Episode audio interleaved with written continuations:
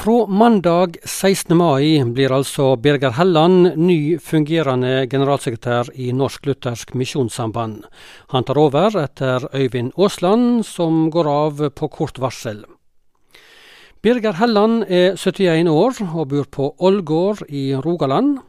Han kjenner Misjonssambandet godt. I hele sitt yrkesliv har han jobba i ulike stillinger i denne organisasjonen og i mange år var Birger Helland forretningsfører, og hadde også i perioder stillingen som assisterende generalsekretær.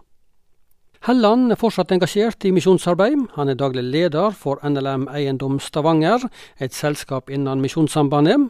Han er òg forkynner og driver et lite forlag. Og vi spurte Birger Helland hva som eh, var grunnen til at han sa ja til denne oppgaven nå, siden han tross alt også er i pensjonsalder.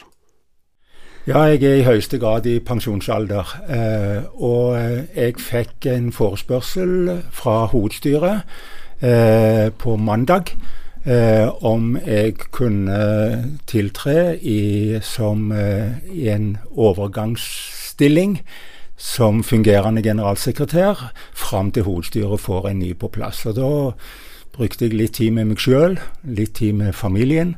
Eh, og så har jeg hatt eh, på en måte det i, som en eh, leveregel. Jeg har vært i misjonen i hele mitt liv. Og de, den tillit jeg har blitt vist opp gjennom åra, den eh, har jeg prøvd å ivareta ved å stille meg positiv til de henvendelsene jeg har fått, og slik også nå. Du kommer inn som fungerende leder i en tid med uro i organisasjonen. Det har vært debatt og uro rundt personalhåndtering i lengre tid. Denne veka ble det kjent at generalsekretæren går på kort varsel.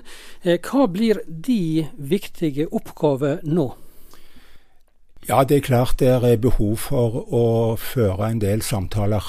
Eh, helt klart eh, internt. Eh, det har vært ei krevende tid, og er ei krevende tid. Eh, så jeg ser jo at noe av det første eh, som vi må gjøre, det er å prøve å få et tillitsforhold på, mellom medarbeidere. Og prøve at vi kan få fokus på det som ligger framover. og det er helt åpenbart en krevende situasjon. men jeg kan ikke annet enn å prøve å gjøre mitt beste på det. Du var også blant lederne i Misjonssambandet på 80-90-tallet. Eh, Jobba som forretningsfører, det som i dag er økonomileder, eh, fra 1986 til 2006. Og i perioder i den tida var du også assisterende generalsekretær. På denne tida her var det òg en del krevjende saker i Misjonssambandet. Eh, til dømes kom det opp saker rundt dette med seksuelle krenkelser av misjonærbarn og andre. Spørsmålet om kvinners stemmerett var en stor debatt som gikk i avisspaltene over flere år på 90-tallet. Når det gjelder krevjende saker i organisasjonen, har du noen lærdom du tar med deg nå inn i jobben nå, fra den tida der? Det er klart det at eh, selv om ikke de sakene som vi håndterte på den tida er av eh, samme karakter som det som er nå, eh, så er det klart det er alltid noe å lære er alltid noe å ta med seg, og det, det viktigste er det å kunne eh, ha god dialog. I, både internt og mellom de gruppene der det måtte være spenninger. Og det å føre samtale, det har jeg eh, alltid hatt tro på. Og gode samtaler. Så er det klart at eh, noen av de sakene som, eh, som eh, vi hadde da, det var òg mer av sånn strategisk, teologisk karakter. Noen veivalg eh, som det alltid opp gjennom åra har vært ulike syn på i, i misjonen. Og det har vi levd og leve med, og det tror jeg noe, har vært noe av styrken. Vi har vi har fått lov å ha ulike meninger og syn, og så når vi har gjort noen konklusjoner og valg, så har vi prøvd å stå sammen rundt det. Om eh, to måneder, i starten på juli, 5. til 10. juli, skal Misjonssambandet ha generalforsamling.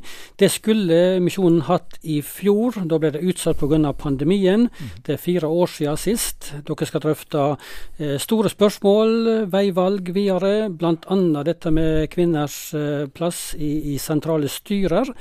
Eh, hva blir de oppgavene nå i forhold til generalforsamlinga framover, for det er ikke så veldig lang tid?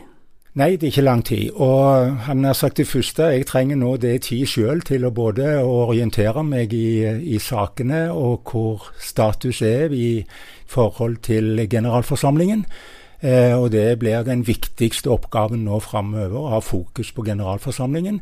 Eh, jeg ser at det der er gjort et veldig godt arbeid allerede i forhold til det rent tekniske, administrative rundt det. Og det der har jeg veldig avslappa forhold til. Og så er det da å prøve å få på plass også de ting som skal uh, ut til utsendinger og sånne ting. Uh, det vet jeg at det er nært forestående, men det må vi jo prøve å, uh, å få på plass så snart som mulig. Det er generalforsamling om to måneder, ja. Eh, du har sagt ja til å gå inn som fungerende generalsekretær nå, Birger Helland.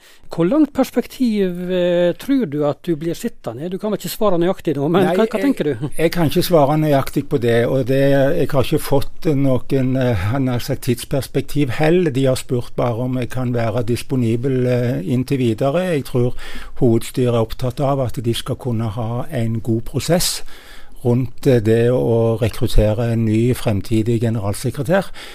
Eh, så vet jeg ikke. Nå kommer jo generalforsamlingen, det skal velges nytt uh, hovedstyre. Eh, og så, ja, det kan nok fort gå noen måneder utover høsten òg. Men jeg er åpen for, for det. Eh, men det som er helt sikkert, det er at eh, det får en avslutning for min side. Så du blir ikke sittende så lenge som Olav Thon, som nettopp gikk av som konsentsjef? Nei, det kan de være helt trygge på. Men Birger Helland, du har jobba hele ditt yrkesliv i eh, Misjonssambandet i ulike stillinger, bl.a. lederstillinger. Eh, nå er du i pensjonsalder, eh, passert 70 år. Du har fortsatt noen engasjement der, og, og jobb i Misjonssambandet med eiendom bl.a. Men hva er det som gjør at du i hele tatt er motivert for å i hele tatt tenke ja, jeg kan prøve å gjøre noe her? Eh, ja, jeg har tjent i Misjonssambandet hele mitt yrkesaktive liv. Eh, det var der jeg fikk min tjeneste. Der fikk jeg mitt første kall og oppgave. Det, jeg er glad i den organisasjonen. Jeg eh, har funnet det veldig meningsfullt og blitt vist stor tillit. Eh, og det er på en måte fortsatt det at jeg er opptatt av at evangeliet om Jesus Kristus skal forkynnes til et vitnesbyrd for alle folkeslag. Det er det som driver meg aller, aller mest. Det oppdraget er ikke fullført. Det må vi være med å fullføre. Det er motiverende nok.